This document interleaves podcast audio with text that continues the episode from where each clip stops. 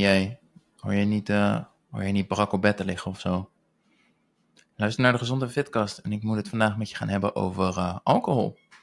Ik werd namelijk laatst op mijn vingers getikt, Jori. Het is uh, aflevering 110 wat je ondertussen online hebt staan en je hebt nog steeds niks opgenomen over alcohol. Wat best een groot onderwerp is als het gaat over leefstijl, afvallen en, nou ja, heeft overal wel impact op. Um, reden daarvan is deels omdat ik persoonlijk vrij zwart-wit erin ben. Het past totaal niet bij alles waar ik voor sta, dus ik drink ook niet. Echt dikke disclaimer, ik drink niet. Dus ja, er zit een zekere bias in deze podcast. Um, tegelijkertijd is dat dus ook de reden dat ik hem heel lang niet heb opgenomen. En ik denk dat ik nu op een punt ben dat, vooral dankzij mijn um, ervaring in de coaching, waar natuurlijk mensen zijn die wel drinken, in ieder geval in het begin, vaak aan het einde ook nog wel, um, daar ik denk ik best een genuanceerde podcast over kan opnemen. Maar voor mij absoluut niet. In het verleden wel gedaan. Ik denk 17, 18 jaar oud. Maar ik merkte, het was echt um, vergeetachtig. Ik was toen al heel fanatiek bezig met fitness. Niet effectief, wel fanatiek. Um, ik wist gewoon, daar helpt het niet bij. Maar voor mij de belangrijkste reden is, um, ik vind het echt verschrikkelijk het gevoel van minder controle hebben over mijn lijf. Echt niet tegen. Pas denk ik ook wel bij het stukje aan angststoornis, paniekaanvallen wat ik uh, in het verleden heb gehad. Uh, ik raak wat dat betreft enigszins in paniek als ik dus inderdaad die controle verlies. Ja, en als je dat dan jezelf aandoet, is niet handig.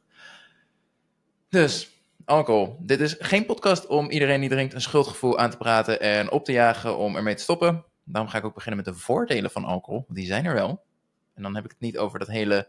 Het is goed voor je hart- en, bloedva bloed, ja, hart en bloedvaten om één glas rood wijn te drinken per dag. is namelijk onzin bleek te gaan om iets anders wat in de rode wijn zit dan de alcohol.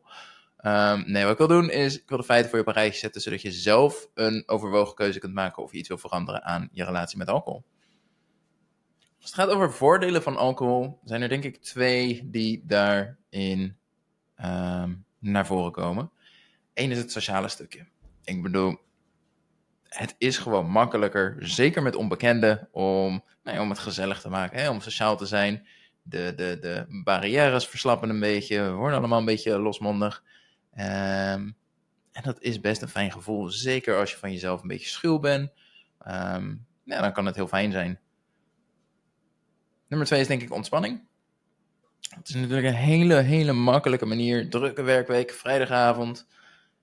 En dan kom je thuis en denk je zo, twee glazen wijn. En dan ben ik lekker ontspannen en kan ik het weekend beginnen.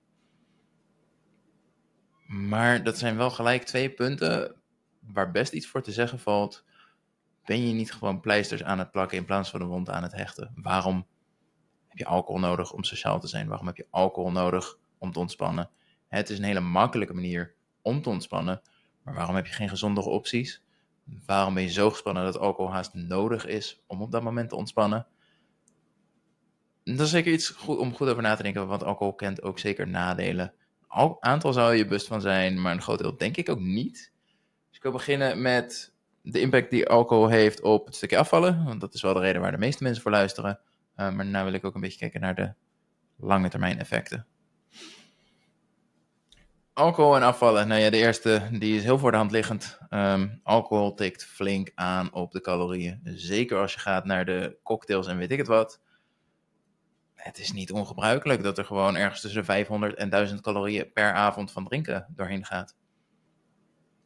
Daar gaat je calorietekort, in ieder geval van die dag. Maar ja, weet je, ga jij twee weekenddagen drinken, ja, dan moet je wel een heel streng en flink tekort hebben door de week. Wil je dan een beetje opvangen? Want het is natuurlijk niet alleen de alcohol die er gedronken wordt. Het is ook, ik ben wat meer in het moment. Maak geen hele slimme lange termijn beslissingen. Ik ben wat impulsiever door de alcohol. Ja, als er dan eten aanwezig is of als ik trek heb, vooruit, lekker belangrijk, kan wel een keertje. Het is niet raar om, waar je normaal gesproken misschien 1800 calorieën op een dag eet, een avond met drie, vier glazen wijn, al dan niet meer, dat het gewoon eindigt als een avond met 3000 calorieën of meer. Dan krijg je zo'n leefstijl waar jij door de week streng moet zijn, zodat je jouw uh, sociale calorieën, om het maar zo te noemen, kunt opvangen. Je valt dus niet eens af. Dit is nodig om maar stabiel te blijven. Ja, vervolgens, dan heb je dus een avondje flink gedronken, lekker gegeten. Slaap is niet fantastisch. Waarschijnlijk slaap je later, maar vooral de kwaliteit van die slaap is veel minder. Dus de dag erna, je hebt je wel eens beter gevoeld. Motiveert natuurlijk totaal niet om actief te zijn. Dus vaak zie je ook dat de um, beweging de dag erna minder is. Maar veel vervelender is dat de eetlust vooral veel hoger is. Ik voel me niet zo fijn, heeft invloed op eetlust. Ik heb heel slecht geslapen, ontzettende invloed op eetlust. Dus ik heb een hele dag meer trek, terwijl ik me niet fantastisch voel. Terwijl ik gisteren ook al verpest heb. Dus hè, wat maakt het nou uit? Ik pak het maandag wel weer op. En dan zit je al vrij snel in zo'n negatieve cirkel.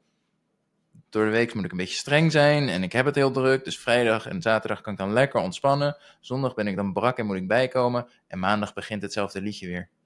Ik ben bang dat dit voor veel mensen een veel te herkenbaar patroon is. En dan hebben we het nog niet eens gehad over de lange termijn gevolgen.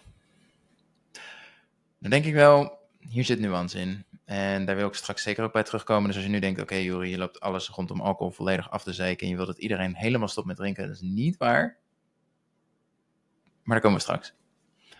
Lange termijn nadelen van alcohol op gezondheid is, nou ja, het hele plaatje wat we net geschetst hebben. Ja, alcohol zorgt er in veel gevallen voor dat gewicht toeneemt. Overgewicht heeft vervolgens een verhoogd risico op angstklachten en depressie. Niet lekker. Alcohol heeft invloed op geheugen en concentratie. Alcohol heeft invloed op je immuunsysteem. Wat betekent ik ben vaker ziek. Wat betekent ik kan minder goed presteren op mijn werk. Ik ben minder betrouwbaar voor mijn gezin. Um, en alcohol heeft invloed op slaap.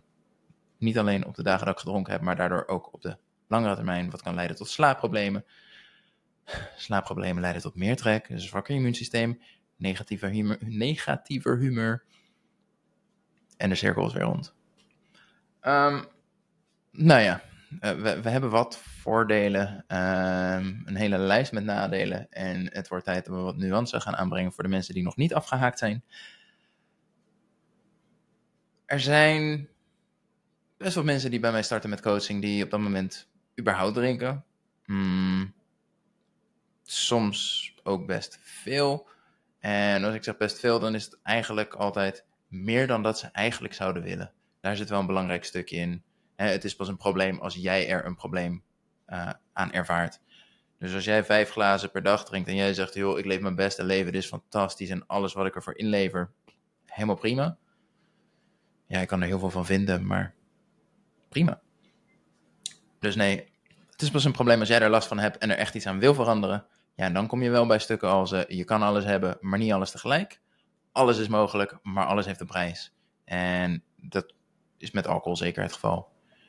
Dus ik heb een keuze te maken. Wat heeft mijn prioriteit? Is dat afvallen? Is dat um, de ruimte hebben om te drinken? Of is dat gezondheid, mijn gezin, et cetera? En eigenlijk kan je er twee van de drie kiezen. Ik kan prima afvallen combineren met um, mijn gezondheid en goed zorgen voor mijn gezin. Maar dan is het niet handig als ik ook nog eens veel probeer te drinken. Ik kan prima afvallen en drinken. Maar dan moet ik wel een vrij rigide leven leven. En dat gaat ten koste van mijn gezin. Ik kan prima drinken zoveel als ik wil. En het gewoon super gezellig hebben met mijn gezin. Maar afvallen gaat er niet heel veel terecht van komen. Dus de kunst is om daar de balans in te vinden waar jij gelukkig van wordt. Dus als ik kijk in de coaching, vaak zie je dan inderdaad dat prioriteiten een beetje verschuiven gedurende het traject. Waar het in het begin heel erg is van, dit is wat ik gewend ben. En als ik daarin verander, dan krijg ik weerstand van mijn omgeving. Ze zijn gewend dat ik drink, dus hè, dan ben je geen, oh wat ben je ongezellig. Um, dus een beetje groepsdruk en, en gewenning, gewoond gedrag. Maar omdat wij in het traject best wel ingaan op, nou ja, wat zijn jouw kernwaarden, wat is belangrijk voor jou? Um, hoe ziet jouw persoonlijkheidsprofiel eruit?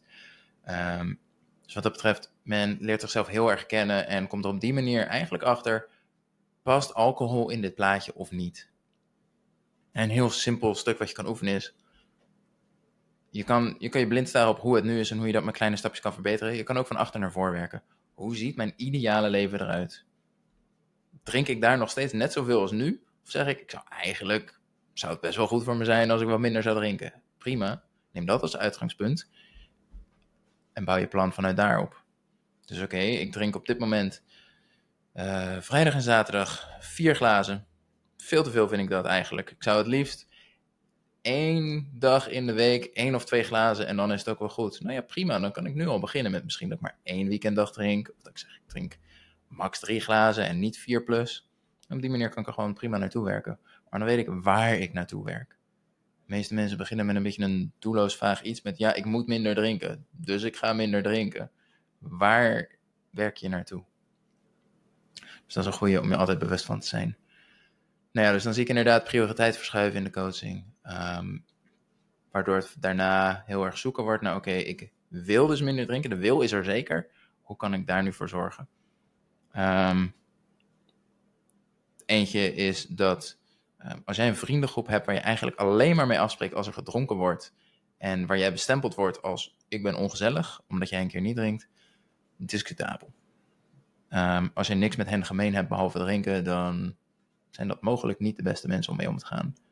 Vaak kom je erachter, dit heb ik dus, nou ik denk in het afgelopen jaar drie, vier keer mogen meemaken.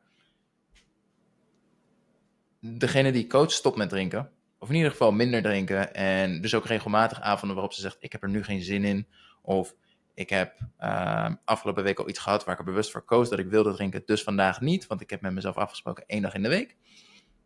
Um, en dat het wel begint met een stukje weerstand vanuit de groep, maar daarna dat er één of twee in de groep zijn die denken, ja verdorie, eigenlijk wil ik ook minder drinken. Ik durfde die stap niet te nemen, want dan kreeg je die weerstand van de groep. Maar nu zij het al heeft gedaan, ja, dan durf ik het ook wel.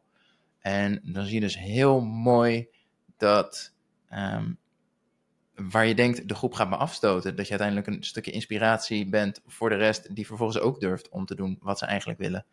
Super mooi om te zien is dat. Um, nou ja, dat. Dus, dus het begint vaak met een stukje sociaal, maar ook inderdaad thuis. Van oké, als ik geneigd ben, uh, lange werkweek gehad, ik kom thuis en ik ga drinken. Um, hopelijk eerst koken en zo. En bij het avondeten is er wijn, weet je, prima. Uh, voordat ik nu een plaatje schets dat ik mensen coach die thuiskomen, fles wijn uit de kast trekken en op de bank liggen tot die fles leeg is. Nog niet meegemaakt. Maar goed, ook daarin kan het dus zijn dat je zegt: Oké, ik wil niet op die manier van alcohol afhankelijk zijn. Ik wil het bewaren voor de bijzondere momenten. En net zoals dat er iets te zeggen valt voor: Ik wil absoluut alles kunnen eten wat ik lekker vind. En ik wil absoluut af en toe kunnen snoepen en een koekje en weet ik het wat. Maar het moet niet nodig zijn om maar mijn dag door te komen, om maar te functioneren. Hè? Dus niemand heeft moeite met af en toe iets lekkers eten. Mensen hebben wel moeite met, zodra ik emoties ervaar, zodra ik verdrietig ben, dan moet ik eten. Dan hebben we het uh, al vrij snel over autonomie, waar je me regelmatig over hoort praten. Het moet een vrije keuze zijn. En zo ook alcohol. Dus dan gaan we graag uh, gaan we vooral kijken naar, oké, waarom is die, waarom is die behoefte zo sterk om op zo'n vrijdag te drinken? Um, kunnen we daar iets mee? Kunnen we met een alternatief komen? Um, vaak gaat het ook gewoon over een stukje routine. En er was een periode in je leven waarop dit blijkbaar op dat moment, in ieder geval in jouw ogen, de juiste oplossing was. Dat is er ingesleten, dat is er nu nog steeds. Maar zeker tijdens de coaching zorgen we ervoor dat jouw leven vrij drastisch verandert. Dus waarschijnlijk is die noodzaak er ook helemaal niet meer. De stress die jij toen ervaarde waar je die alcohol voor nodig had, die is er niet meer. Alleen die gewoonte van die alcohol is er nog wel. Nou ja, dan hoeven we alleen maar die gewoonte te doorbreken. Vervangen is een veel betere manier om met gewoontes om te gaan. En dan zie je al vrij snel dat de alcoholinname ook drastisch afneemt. Dus waar dat misschien een gewoonte is die er al vijf jaar in zit, is dat drie, vier weken nodig hebben om door te hebben: oké, dit is echt iets waar ik vanaf wil. Um, en vervolgens een plan van aanpak, hoe ga ik het aanpakken? Vier, vijf weken later en opgelost, klaar. Tuurlijk, het gaat niet in één keer perfect. Het is niet, hé, ik ben klaar met alcohol, dus volgende week en ik drink niet meer en het is klaar. Het is een beetje zoeken, het is een beetje vallen en opstaan, maar dat hoort erbij. Dus dat. Um, volgens mij heb ik dan alles wel behandeld wat ik wilde behandelen. Uh, ik denk samengevat, alcohol en afvallen, ik ben er gewoon absoluut geen fan van. Uh, maar dat zal mijn persoonlijke bias zijn. Maar ja, weet je, het heeft gewoon zulke consequenties op je gezondheid, zowel korte termijn als lange termijn. Er is geen enkel doel waar het echt bij matcht. Dat je zegt, ja, ik wil super gezond zijn, ik wil fit zijn, ik wil afvallen. Ja, en ik wil drie glazen wijn op iedere vrijdagavond. Dat matcht gewoon niet. En ik ben echt wel fan van zorg dat jouw acties aansluiten bij je doelen. Dus als jij nu even heel kritisch naar je leefstijl kijkt, wat zijn mijn doelen? Wat zijn de acties die daar vervolgens um, wekelijks te zien zijn? En jij moet concluderen, ja, ik roep heel hard dat ik wil afvallen, maar ik drink dus wel gewoon rustig 5, 6 glazen ieder weekend. Dan mag er best wat mee gebeuren. Um, als je kijkt naar de richtlijnen van uh, um, alcohol en de gevolgen daarvan, dan wordt er aangeraden max één glas per dag als vrouw zijnde, om je een idee te geven. Er zijn maar weinig mensen die zeggen, ja nee, als ik drink dan is het één glas en daarna is het klaar. Hoor jij wel tot die groep? Hey, fantastisch. Nou, ik heb er eentje in de coaching die inderdaad zei, uh, we zijn ondertussen afgerond overigens, waarschijnlijk luister je hier naar, hallo. Um, die inderdaad tot de conclusie kwam van, oké, voor bijzondere momenten wil ik het er absoluut inhouden, maar dan inderdaad één, max twee glazen. Um, en, en op andere dagen is het prima, hoeft het niet meer. Weet je, die groepsdruk ervaart ze niet meer zo sterk. Ze kan dat loslaten. Ja, dat is prachtig. En dat zijn alle clichés als in je kracht staan en, en voor jezelf kiezen en hoe je het maar wil noemen. Maar dan in plaats van stomme clichés zie je gewoon daadwerkelijke acties. Daar hou ik van.